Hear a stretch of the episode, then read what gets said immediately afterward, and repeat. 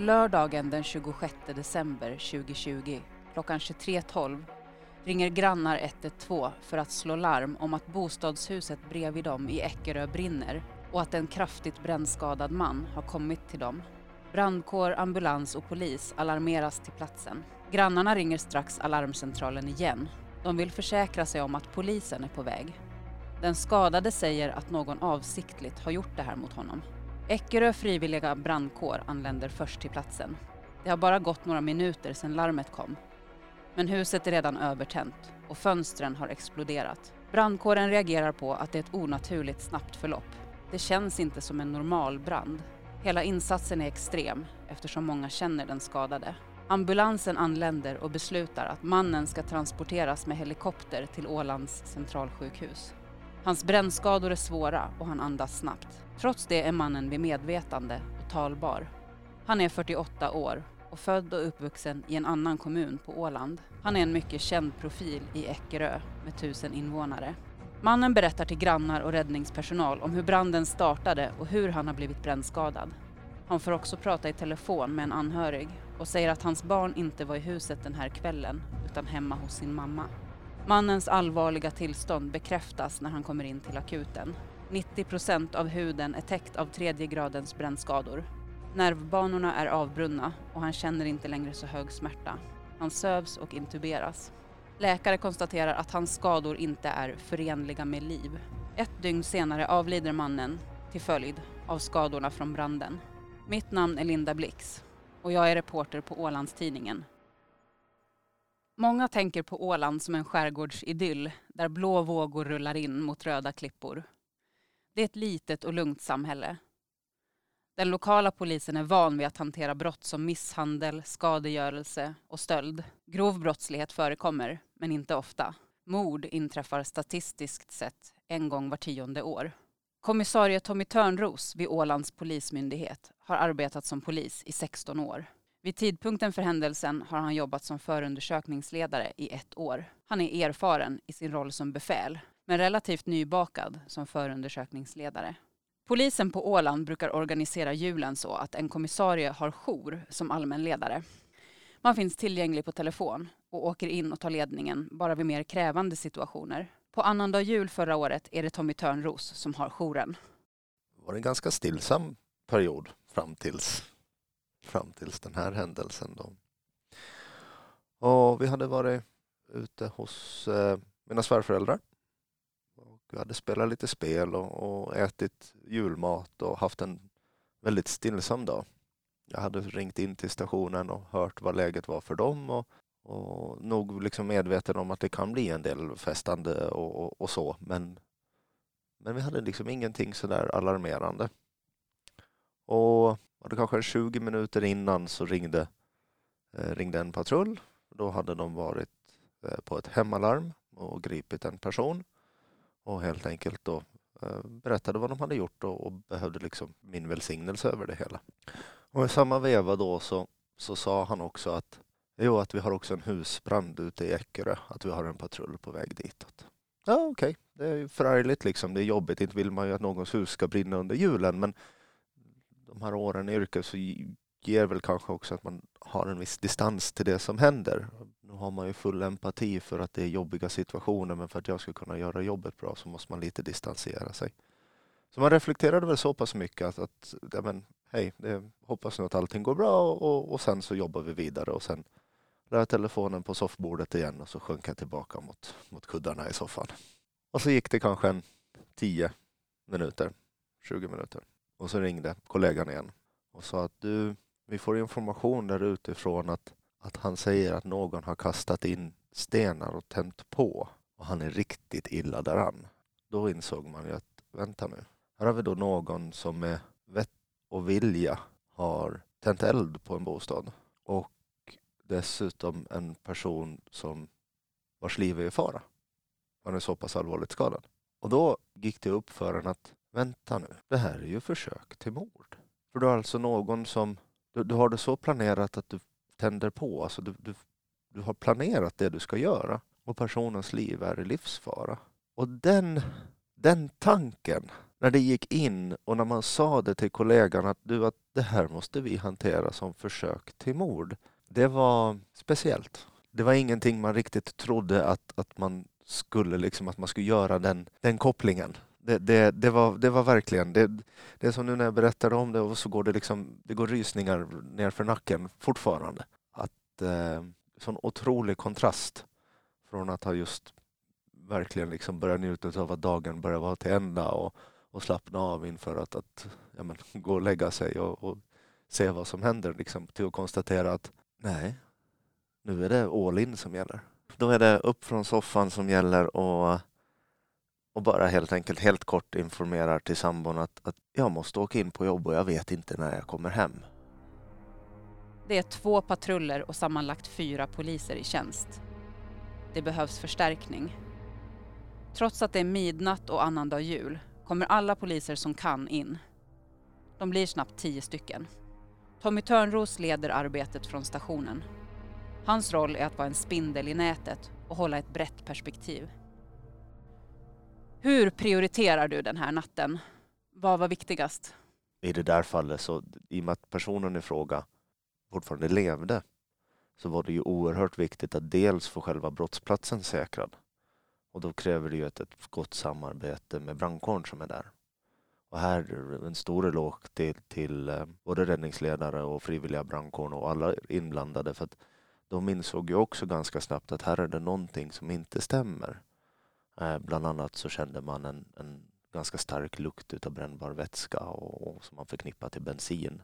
En del lite olika förknippningar men bensin var väl den, den härdande, förhärdande eh, uppfattningen där. Så att de valde ju också att göra sitt släckningsarbete därefter i enlighet med de rutiner de har, att när det är fulspel med i det hela. Men det som ju blir prioriterat, så det är ju alltså brottsplatsen i sig och sen såklart då personen i fråga som, som fortfarande är vid liv och talbar, att försöka få någon information därifrån. Kunde ni hålla ett förhör med honom? Han blir inte formellt förhör, men vi hinner prata med honom, vilket ju var, var väldigt bra i det här fallet. Vad är det han säger? Det som kommer fram från honom så är att han, han liksom jag själv har legat i soffan och tittat på TV. Och när han då har reagerat på, på ljud och att någonting är utanför och väl då kanske trott att det har varit kanske några rådjur eller någonting sånt men att han har liksom han har reagerat på rörelse utanför huset. Och eh, sen plötsligt så har det kastats in en sten genom hans fönster, alltså fönster han ligger under helt enkelt. Och eh, lätt upprörd så reser han sig upp ur soffan och tittar ut och när han tittar ut så kastar någon en brännbar vätska på honom och samtidigt antänds den. Och han lyckas springa ut och släcka det här och ta sig ner till grannarna. Så det är vad han, han berättar egentligen. Och han kan inte säga vem. Eh, han säger att han tyckte sig höra röster men kunde inte säga desto mer om de här rösterna. Ehm, och eh, det var egentligen, den här informationen sen då så sammanställdes ju av att vi hörde flera olika personer. Det var ju dels sjukvårdare på plats, det var frivilliga brandkårister på plats och sen också kollegan som pratade med honom när han kom till sjukhuset och sen också sjukhuspersonal som vi har pratat med och som har gett då den här samlade bilden utav vad han berättade. Och eh, det, det stärkte ju sen den här teorin om att det här är ju faktiskt överlagt. Att eh, dels lukten av brännbar vätska som fanns där på platsen, dels det han berättade och sen även det att han luktade väldigt starkt utav brännbar vätska efter att ha fått det här över sig. Och eh, vi lyckades ju där på platsen spåra hur han hade rört sig, hur han hade tagit sig ut ur bostaden. Vi hittade brända klädrester från ett dike som han hade varit nere i och sen även hur han tog sig ner till grannarna så hittade vi rester utav, av kläderna som har fallit från kroppen på honom helt enkelt. Så det, eh, ja, det var, var, var väldigt bra att få de här uppgifterna. Och sen insåg väl inte, vi visste att situationen var illa och var ju i kontakt med sjukhuset och då fick vi informationen att han kommer ju att sövas helt enkelt. Och så fick vi initiella uppgifter om hur skadad han var, vilka sedermera korrigerades då och också korrigerades på ett sådant sätt att det handlar om vård i livets slutskede. Det här kommer inte gå att rädda. Åland har ett nära samarbete med Finlands centralkriminalpolis. Historiskt är det centralkriminalpolisen som har lett större och svårare utredningar på Åland. Men upplägget finns inte längre kvar efter reformer inom den finska polisen. Nu förväntas inrättningarna sköta sina utredningar själva, även om centralkriminalpolisen finns som ett viktigt bollplank. Det här ställer höga krav på den åländska polisen. Polisen sätter omgående igång ett omfattande spaningsarbete. Det gäller att vända på alla stenar. Det är nu den viktiga grunden för hela utredningen läggs. Man har inte råd att missa något spår. Brottsplatsen undersöks och dokumenteras. Man pratar med folk om vad de vet. Det dröjer inte länge förrän misstankar börjar riktas åt ett håll. Vi hade några olika uppslag att gå på. Men däremot så kom det ju väldigt snabbt fram, även i våra register, att det fanns en mycket infekterad vårdnadstvist. Och det är i sig inte tillräckligt för att det ska väcka en misstanke. Det räcker inte någonstans bara för att man har någon gång i tiden har haft ett, ett gruff med någon eller en dispyt med någon eller anmälningar. Det, det, betyder inte att man per automatik blir misstänkt för allt som händer för den personen i framtiden. Inte på något vänster. Men det var en av alla stenar vi behövde vända på. Och vi vände på många stenar redan där på natten. Allt vad vi bara kunde komma på så började vi jobba med där på natten och sen fortsatte ju det under söndagen. Det var ett otroligt ordentligt arbete som gjordes och när söndagen började lida mot sitt slut så då började nog känslan av att det finns skäl att misstänka eh, inom exfruns krets, exfrun och exfruns krets. Där så började den tanken ta form och sen växte den sig starkare då med den informationen vi fick. Tommy Törnros och hans kollegor jobbar oavbrutet i 24 timmar efter att larmet kommit in. Tanken är att ärendet ska övergå till en regelrätt förundersökning och att han ska lämna över till en annan förundersökningsledare. Men Tommy Törnros är vid det här laget så insatt att man beslutar att han ska fortsätta leda förundersökningen. Han åker hem för att sova i några timmar. Det var ju oerhört svårt att få sömn. Alltså på det personliga planet så snurrade ju allt och, och där fick ju nog både samboroll och papparoll stiga åt sidan. Att då var det nog verkligen att man var inne i den här utredningsbubblan helt och hållet. Och igen alltså oerhört tacksam för en förstående sambo som, som stöttade och hjälpte efter bästa förmåga. Så det var väldigt mycket värt. I polisens register framgår det att mannen har varit involverad i en omfattande vårdnadstvist med sin 30-åriga exfru om deras gemensamma barn. Tvisten inleddes kort efter barnets födelse och trappades sen upp. Mellan 2018 och 2020 har exfrun kontinuerligt gjort barnskyddsanmälningar och polisanmälningar mot honom. Men anmälningarna har inte kunnat bekräftas. Bara några månader tidigare har den flera år långa vårdnadstvisten fått ett slut. I juli 2020 beslutade Ålands tingsrätt att exfruns ansökan om enskild vårdnad skulle förkastas Barnet skulle bo delat hos sin mamma och pappa. Men exfrun gav inte upp utan besvärade sig till hovrätten. I oktober, drygt två månader innan mannens död, meddelade Åbo hovrätt att ärendet inte skulle få någon fortsatt handläggning. Tingsrättens beslut vann laga kraft. Exfrun hade förlorat den långa vårdnadstvisten. Efter några timmars sömn är Tommy Törnros tillbaka på polisstationen. Han får beskedet att mannen har avlidit under natten. Brottsrubriceringen ändras från försök till mord till mord. Händelsen väcker stor uppmärksamhet, inte bara i Eckerö. Hela samhället skakas. Många är chockade och bestörta och det finns en oro. Går det en mördare lös på bygden? Det blir ett mycket intensivt dygn för polisen. Två detaljer kommer att sticka ut och bli särskilt viktiga. Dels en bil som mystiskt har rört på sig under mordnatten. Och dels en telefon som ringer vid en märklig tidpunkt. Det är detaljer som lätt hade kunnat missats. Istället blir de avgörande för att leda in utredningen på ett nytt huvudspår. Den samlade bilden av historiken tillsammans med tips från allmänheten ger polisen skäl att misstänka exfrun. Det är den lägsta misstankegraden, men det är tillräckligt för att gripa och förhöra en person. Skäl att misstänka är en jätte, jättelåg tröskel. Det krävs inte mycket. Men med tanke på allvarligheten i ärendet så är man ju ändå väldigt, alltså man gör ju en noggrann bedömning att, för det kommer ju ha så stora konsekvenser. I samma sekund som du säger att någon är misstänkt för ett brott som har väckt så mycket uppmärksamhet i samhället så kommer det ju att ge en viss form av stämpel. Men eh, den samlade bilden där och då så var att det fanns skäl att misstänka. Det finns en annan person som polisen också är intresserad av att prata med. Exfruns 37-åriga väninna.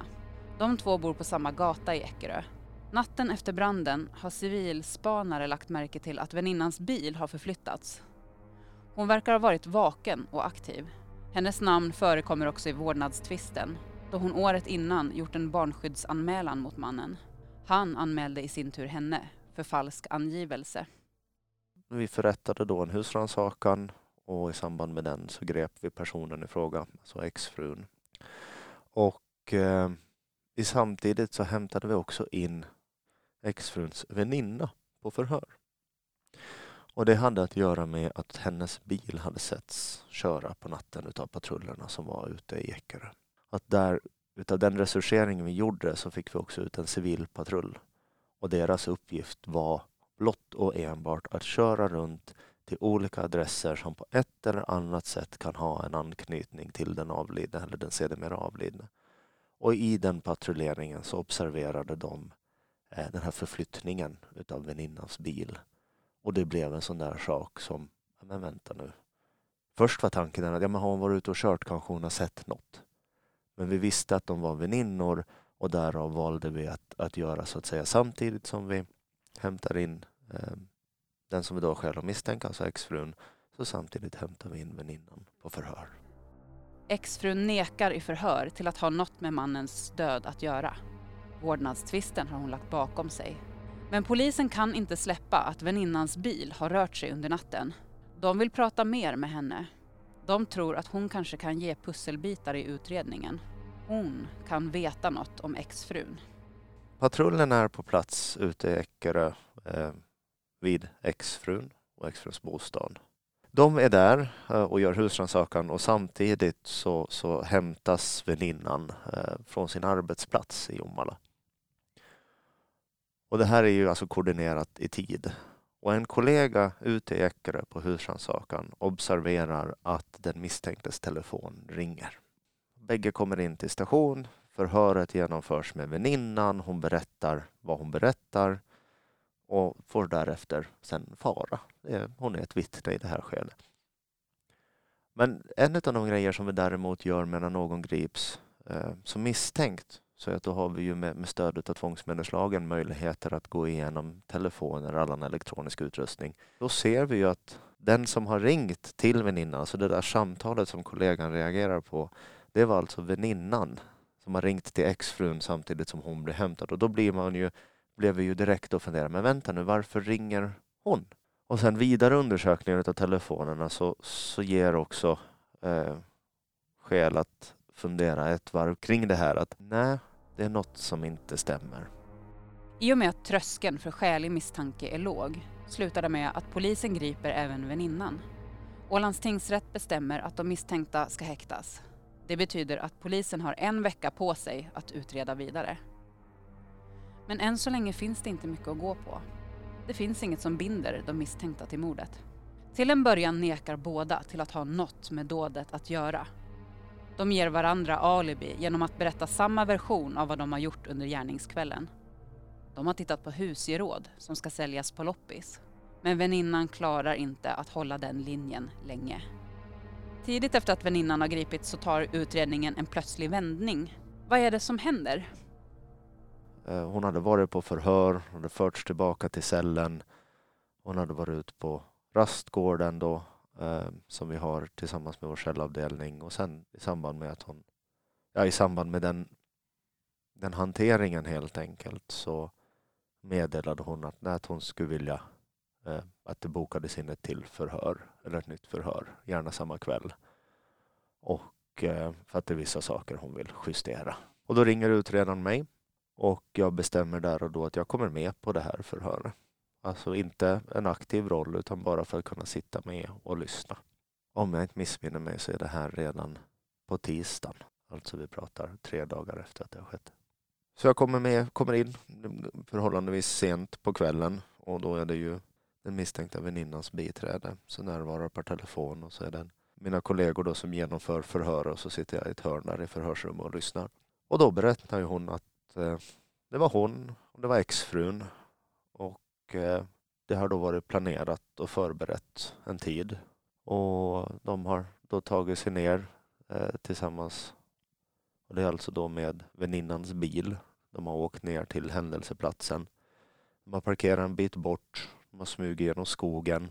Smugit fram till en, en gran som är några tiotals meter bort från sedermera Avlinas hus. Och där har det varit gömt hinkar fyllda med bensin. Och sen med hinkarna i händerna så har de smugit fram eh, till huset. Tagit sig närmre. Och sen har stenarna kastats in Bensinen har kastats in och det har tänts på och sen har de sprungit därifrån. När vi tittar på ett erkännande så det räcker aldrig att säga att ja, men jag erkänner att jag har mördat någon utan du måste faktiskt erkänna och beskriva omständigheterna för att det ska finnas en, en trovärdighet i den.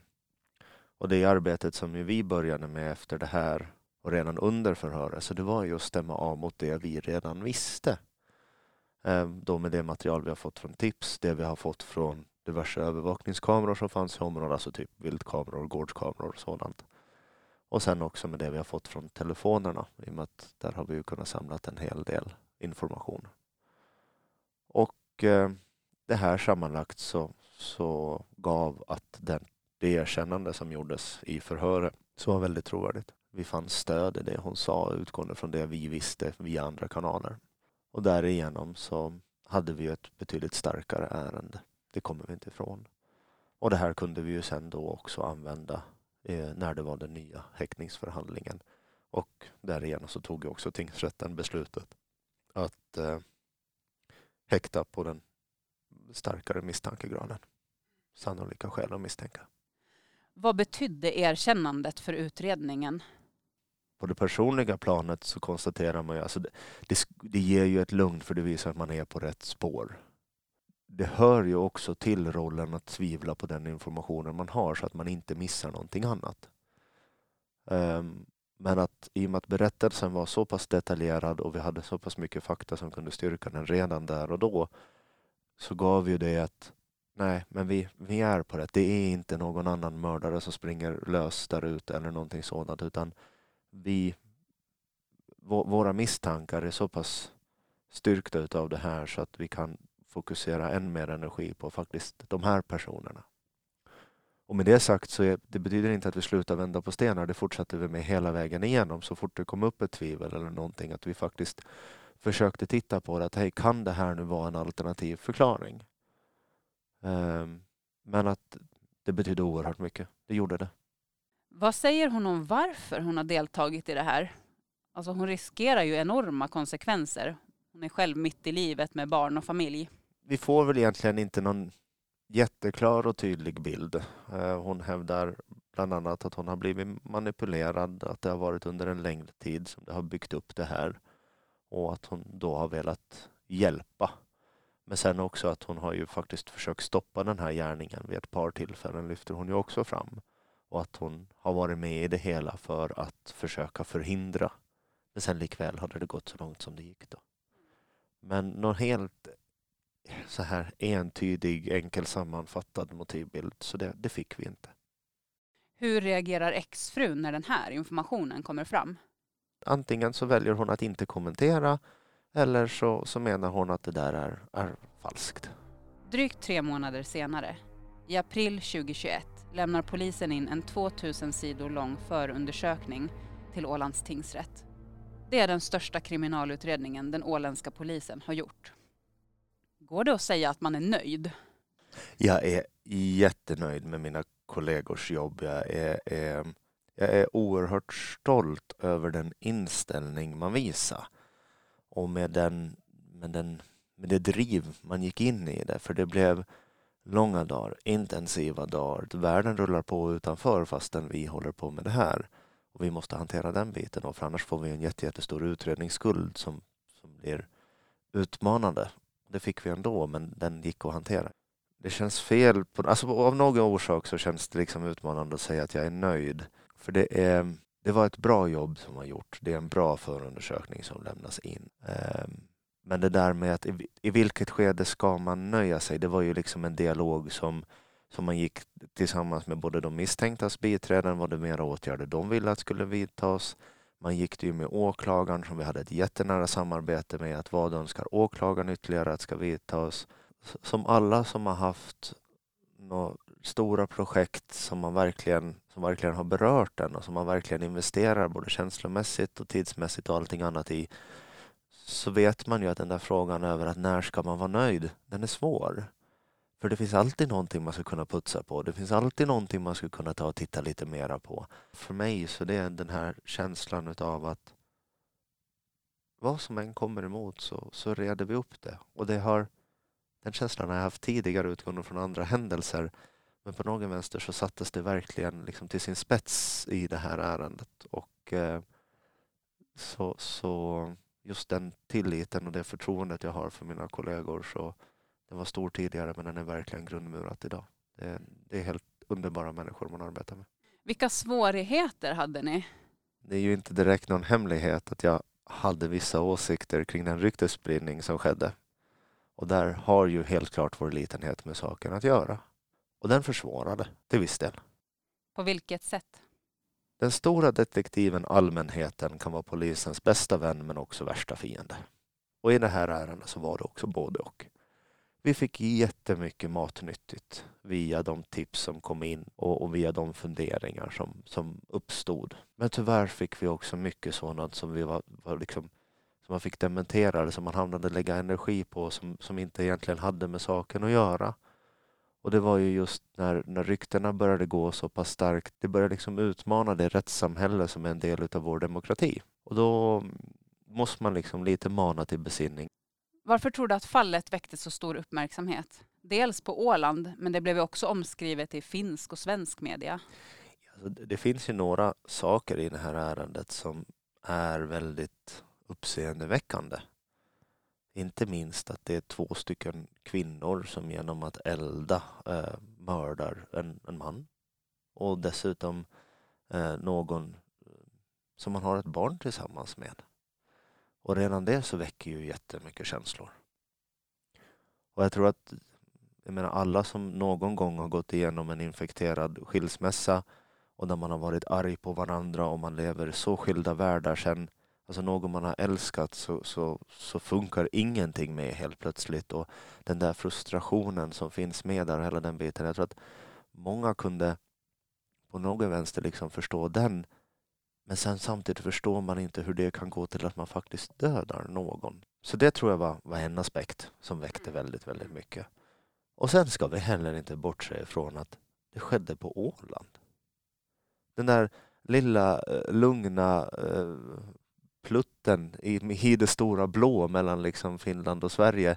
Delvis är det väl också därför som kanske det var så uppmärksammat här på Åland, men också svårt att, att gripa, för det märkte man. Så det tog jättelång tid innan folk faktiskt pratade om det som ett mord. Det var länge det var branden i Eckerö och, och den personen som avled genom branden och, och hela den biten. Att det, det faktiskt det tog tid innan det sjönk in att vi har haft ett mord Åland. Exfrun har konsekvent nekat till inblandning i mannens död. I förundersökningen och under rättegången i Ålands tingsrätt. I juni 2021 dömdes exfrun till livstidsfängelse för mord. Väninnan dömdes till 11 års fängelse, en dom hon inte har motsatt sig. Men exfrun har överklagat den till hovrätten. Det är viktigt att poängtera att när den här podcasten spelas in har tingsrättens dom mot exfrun inte vunnit laga kraft. Det återstår en prövning av hennes ärende. Enligt tingsrättens dom kunde exfrun inte acceptera myndigheternas beslut om delad vårdnad. Därför bestämde hon sig för att döda sin exman och involverade väninnan i planeringen och genomförandet. I förundersökningen träder bilden fram av två kvinnor som har en nyfunnen vänskap. Men den är inte sund. De har känt varandra i två år och träffats då de har barn på samma dagis. De börjar umgås. På kvällarna sitter de på trappan utanför exfruns bostad. De röker cigaretter och pratar. Exfrun pratar ofta om vilken dålig pappa hennes före detta man är. Hon anmäler honom till polis och barnskydd. Hon förmår också väninnan att göra fabricerade anmälningar. Vid ett tillfälle ringer exfrun anonymt till polisen med röstförvrängare och säger att han håller på med droger. Under sin sista tid i livet bosätter sig mannen i ett hus vid skogen för att få vara i fred. Han vill inte bo centralt i Eckerö. Han berättar för sin omgivning att han känner sig trakasserad och förföljd av exfrun och en släkting till henne. Han installerar övervakningskameror utanför huset. Väninnan hör exfrun säga att han måste bort. Exfrun visar ritningar på mannens hus och berättar om planerna. Men väninnan säger att det är först när hon får se bensinhinkar i skogen som hon förstår att det är på riktigt. Exfrun skapar falska Facebook-profiler till sig själv och väninnan. Stina Larsson och Gretel Andersson. Att skicka en tumme upp i den vanliga Messenger-chatten är en signal att man ska gå över till de falska kontona. Över chatten planeras gärningen. Tonen är lättsam. Genast efter branden raderas Stinas och Gretels profiler från Facebook. Men polisen lyckas senare återskapa dem och deras konversationer. Tekniska undersökningar visar att exfrun och väninnan har varit inloggade på Facebook-profilerna i sina mobiler. Det är bevisning som är svår att bortförklara. En annan omständighet som tas upp i rättegången är att exfruns hår och ögonfransar är brända efter annandag jul. Enligt väninnan beror det på att exfruns ena ärm i misstag fattade eld under dådet. Men själv säger exfrun först att hon har en ovana att dra loss ögonfransar. Senare säger hon att hon har tänt en eldkorg på julafton och att det har slagit upp glöd mot hennes ansikte. En skada på handen förklarar hon med att hon har bränt sig på fettet på stekpannan. Veckorna innan mordet rör sig väninnorna i skogen utanför mannens hus. De täcker bensinhinkarna i skogen med granris, gömmer stenar och införskaffar huvor att maskera sig med. De tränar genom att kasta motorbensin och antända en planka i exfruns trädgård. Enligt väninnan skulle gärningen egentligen ha skett redan den 3 december. Den gången valde de att avbryta. Men efter julen ska mannen ha en längre tids umgänge med barnet. Det vill inte exfrun, Mordet måste ske innan dess. Vi kommer nu att lyssna till en klippt version av väninnans vittnesmål i Ålands tingsrätt. Hon, hon blev ju så förbannad på det att, eh, att blev boendeförälder. Mm. Att hon, hon kunde inte acceptera överhuvudtaget att de skulle ha delad vårdnad. Hon ville ha vårdnaden själv. Mm. Och det var därför hon började planera mordet. Och när fick du veta om det? Hon vis, vad ska jag varit, det var i augusti, september som hon visade de här bilderna med. Mm. Men trodde du då, då att hon skulle göra sånt där? Nej. Det var först när jag såg de här hinkarna i skogen. Jo, och när var det? Jag har varit tre gånger där nere. Och det, första gången var den första i tolfte och då var hinkarna där redan. Ja. Och vad såg du då? Då såg jag fyra hinkar gömda i skogen. Mm.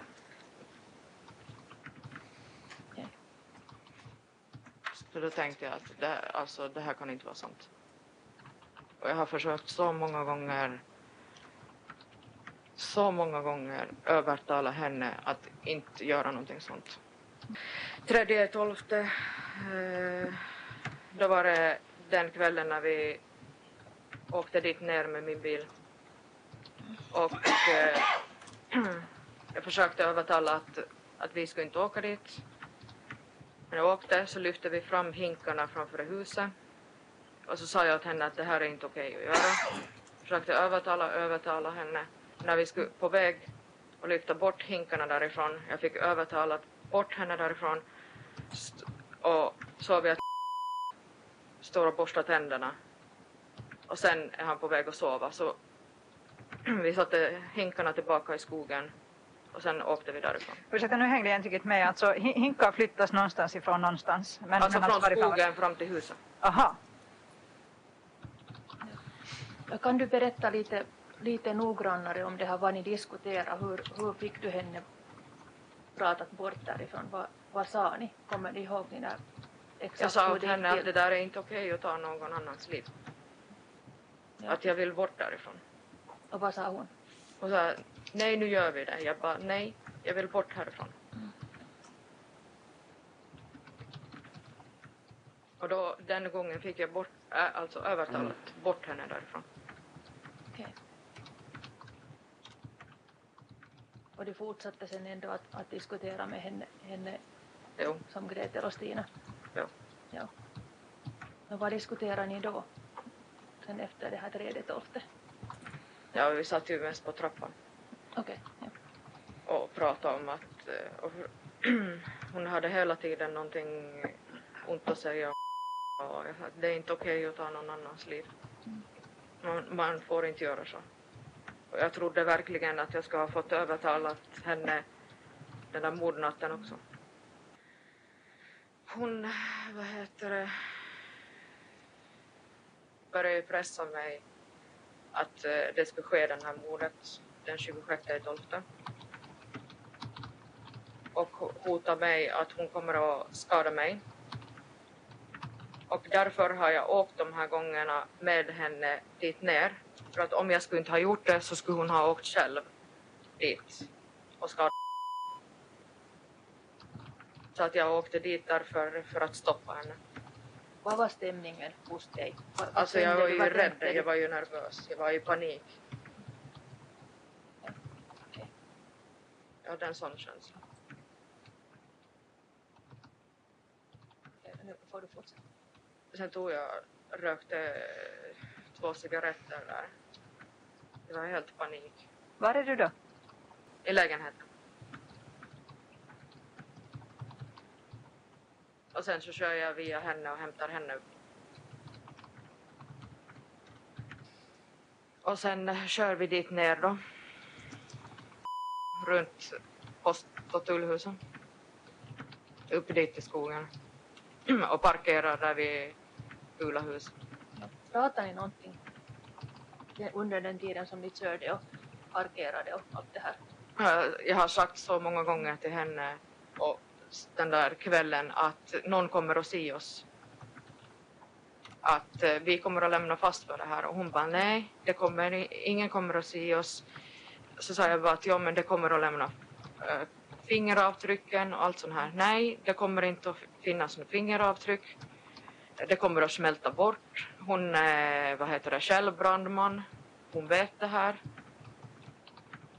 Sen så när vi kommer dit till platsen, eller parkerar vi efter Gula huset, precis som enligt den här videon som jag har visat, så går vi via skogen där och tar fram de här hinkarna, öppnar locken, satt dem i påsen som hon hade med sig.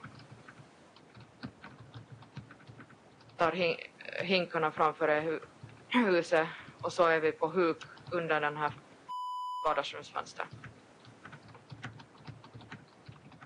Så vi att han li- ligger där på soffan och kollar på TV. Pratade ni då någonting? Jag sa flera gånger åt henne att nu får vi härifrån. Jag vill inte vara här. Och hon bara, nej, nu är du tyst. Och då börjar hon, hon bli som så här, typ förbannad. Började,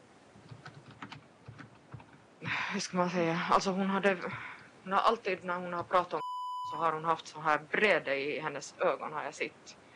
Där, hur illa hon har pratat om honom. Och under den här fönstret sa jag flera gånger åt henne att jag vill inte göra det här, jag vill bort därifrån.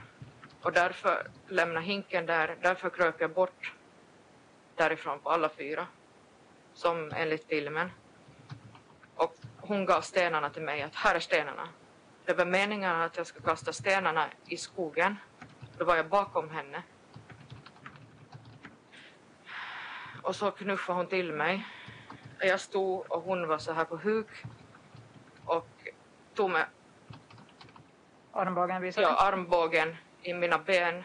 Så jag blev ju helt panik. Jag bara, vad är det som händer? Och så, jag hade båda stenarna i samma hand och så flög de genom rutan. Och så tänkte jag för mig att vad är det som händer? Alltså vad har jag gjort nu? Jag fick panik där. Och den andra stunden så var det eld och lågor hela huset redan. Jag vet att jag snubblade på något stubbe där i skogen. Då steg jag upp, fortsatte. Jag bara, var är Jag bara, vi måste ringa hjälp. Och hon bara, nej vi har inga tid nu att, att alarmen går. Och jag försökte hela tiden kolla runt var att jag skulle få hjälp för jag hade ingen telefon med mig så jag skulle ha ringt självhjälp. Och sen så får vi till bilen och kö körde därifrån. Vi hittade en Hon pressade hela tiden att ja, men nu ska vi få iväg före brandkåren kommer. Och eh, vi hoppade in i bilen. Körde vi därifrån och så får hon eh, alarmen i telefonen som hon säger. Kör vi samma väg ner, post och tullhuset, så är det en till två gånger som hennes mamma ringer och hon kan inte svara i telefonen för att då hör mamma att vi sitter i bilen.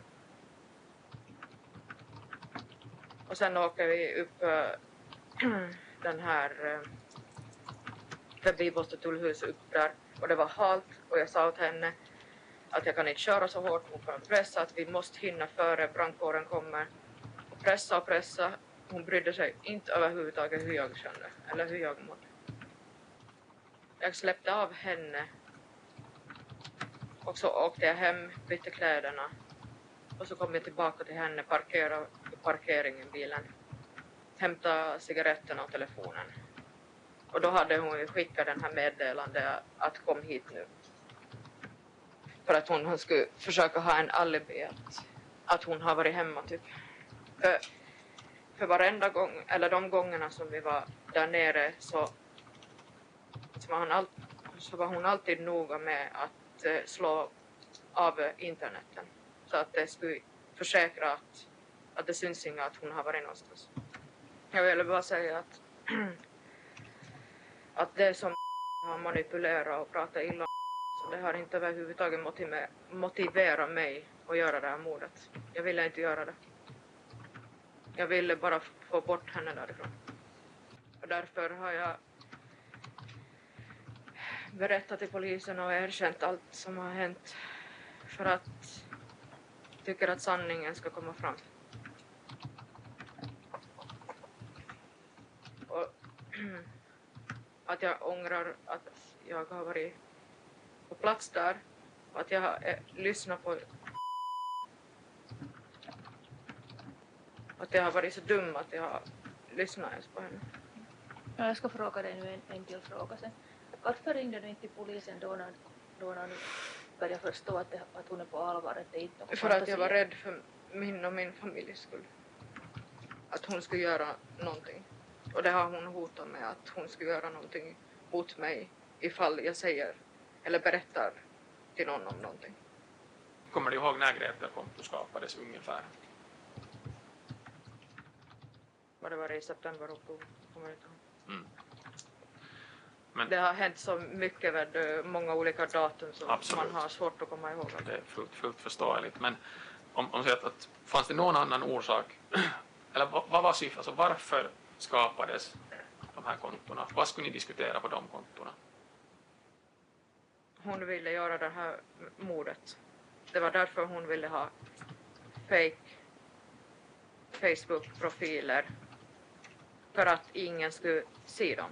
Jag sa ju att allting kommer oavsett att komma fram för att man kan återskapa Facebooken mm. och det trodde hon inte på.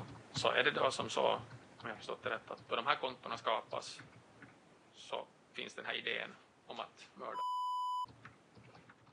när pratade hon med dig första gången om, det, om den tanken? Då när hon visade bilderna på huset. Och då hade hon redan de här med flaskorna att de skulle kastas in, att slipper inte ut och hoppa via, att det skulle det skulle vara 50, 50 liter bensin, det skulle sättas runt hela huset och på framsidan för att han har kameran där. Hon visste att den här, på framsidan fanns kameran så att hon var aldrig där på framsidan ifall, hon skulle fastna, eller ifall vi skulle fastna där. Mm. Så att eh, därför ville hon på ett eller annat sätt använda de här vinflaskorna till att kasta in genom köksfönstret och vardagsrumsfönstret så slipper den upp för trappan till andra våningen och hoppa ner från balkongen. Då när det pratades om, om, om att det här skulle göras, så varför ville hon att du skulle vara med?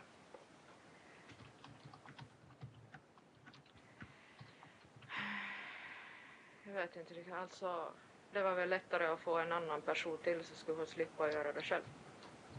Men pratades det på förhand någonting om att du skulle delta i att det här själva dådet, att, att till exempel då kasta sönder fönster eller göra något annat, eller hade du en roll på, som ni hade planerat och övat på förhand? Nej. Hon ville väl att vi skulle eh, prata så mycket väl då om allt sånt här som man blir helt snurrig över. Hon trodde väl att vi skulle göra 50-50. Men, hade jag, ja, men jag ville ju inte göra någonting. Men hade hon bett dig att du skulle göra någonting? Nej. Och sen som sagt, du berättade att ni pratade, det pratades om de här flaskorna, det förbereddes flaskor. Mm. Varför användes de sen aldrig? Jag, jag faktiskt, jag vet inte. Har det funnits någon orsak varför, man, varför det sen slutade på det här sättet? Att man, det var det här sättet som användes, att kasta sönder fönster, kasta hink på honom och sen tända på. Jag faktiskt, jag, jag vet inte eftersom att jag, jag försökte ju få bort henne därifrån så många gånger. Och försökte att vi skulle plocka bort de där hinkarna och tanka i egen bil. Sen Men att hon pressade och pressade och pressade hela tiden och hotade mig att ifall jag inte gör som hon säger. Men jag, samtidigt så vill jag inte göra.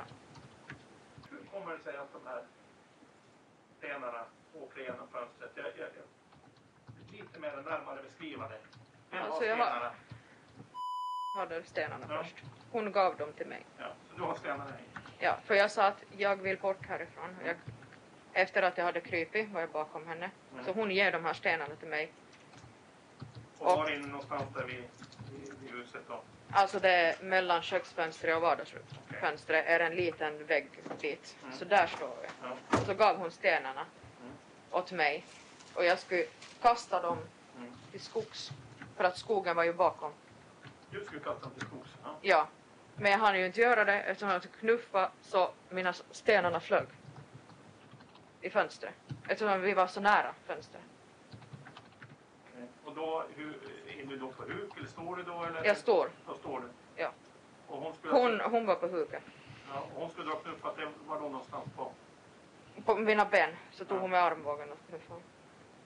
Och då menar du att de här stenarna skulle liksom med sån kraft och liksom åka ut? Det var inte på det viset att jag tog så här Nej. och kastade. Nej. Utan de flög så här genom fönstret. Lite-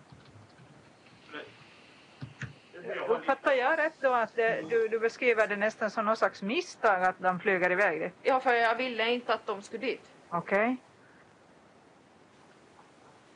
Ja, hon, Jag har, lite, jag har liksom eh, ändå lite svårt att förstå att, att, att den här knuffen på dig skulle liksom ha medfört att de här stenarna ändå med... För att jag var nervös ifall det hade hänt någonting. Om han hade sett någonting eller så här. För jag fick panik. Ja, Jag var helt ren i panik. Vad det som hände. Och då flög de i misstag dit. Det var inte meningen. Jag ville inte verkligen kasta dem dit. okej. Absolut inte. Du har berättat här hur du flera gånger inte alls har velat vara med om den här händelsen. Varför har du då inte gjort någonting aktivt? Varför har du inte till exempel meddelat att hej, att där är bensin jämt utanför ditt hus? För att jag vågade inte. Jag var rädd för henne. Jag är du- fortfarande rädd för henne. Okej. Och du vågar inte meddela det uppenbarligen heller polisen? Nej. Vad tror du skulle ha hänt om du skulle meddela polisen om de här planerna då? Som Men du, då skulle det ha hänt någonting till mig själv. men du har känt till det här under en jättelång tid, de här planerna, enligt dig själv i alla fall. Jag vet inte, men jag vågar inte, jag vågar inte säga någonting till någon, berätta till någon eftersom att jag var så skiträdd för henne. det svåraste att förstå för mig i alla fall är det att du berättade att ni var nere i tredje i tolfte. Du visste att det fanns bensin i skogen. Du visste vad som skulle göras. Ni bär ner bensinen till husknuten, tar bort lockerna är fem för att göra det här dådet, men du får det avstyrt Ja. och ni bär bort det. Ja. Och sen har du på dig ända till 26 i 12 att göra någonting åt det här. Om det är så att du understyrde det då. För att jag var rädd för henne. Skulle jag vågade inte inte här- säga emot henne. Skulle det inte här ha varit läge för en anonym polisanmälan Men varför, istället varför, för blev januari? inte, varför blev inte mordet gjort den, nu, den här eh, 3 december? Jo, för att jag fick av, alltså eller Och det det för- trodde jag att det skulle bli också på mordkvällen. Pratar någonsin om, eller diskuterar ni någonsin om konsekvenserna kunde bli om hon skulle bli gripen och dömd, dömd för, för, för mord av, av, Sa Jag sa, jag sa åt henne att vi kommer att lämna fast för det här, det vad som har hänt. Hon sa att det kommer inte att finnas något spår eftersom att fingeravtrycken från hinkarna kommer att smälta. Så det kommer inte att finnas något spår. Och spåren efter våra eh, skor, vad vi hade på oss, så, så sa hon att det kommer att vara brandkåren, polisen, alltihopa och det börjar regna för det var ju lite snö på marken, så det börjar regna, att alla fotavtrycken kommer att inte synas, att det är våra. Och hon, hon sa flera gånger åt mig att när hon, om hon åker fast, Mm. så kommer hon att inte säga någonting överhuvudtaget. Hon kommer inte att erkänna någonting. Det sa hon flera gånger. Mm. Sa hon hon- någonting mer om hon skulle åka fast? Sa hon någonting annat då? Om konsekvenserna? Var hon beredd att ta konsekvenserna? Eller? Hon sa att, att hon sitter hellre inne för mord än att få vårdnaden. Gjorde du någon avvägning liksom, mellan... När, när du liksom står där vid, vid, vid, vid, vid huset, att de här gångerna du har på gärningsdagen, att, vad, vad gör du där? Du har egna barn. Vad skulle konsekvenserna bli för dig och dina barn? Jag ångrar överhuvud, alltså jag ångrar att jag har ens lyssnat på henne, att jag har funnits där på platsen. Men jag ångrar inte att jag försökte övertala henne, för det försökte jag. Men jag ångrar överhuvudtaget att jag har ens lyssnat på henne. Sen- Eller att vi ens blev vänner. Den här podcasten har gjorts av Ålandstidningen.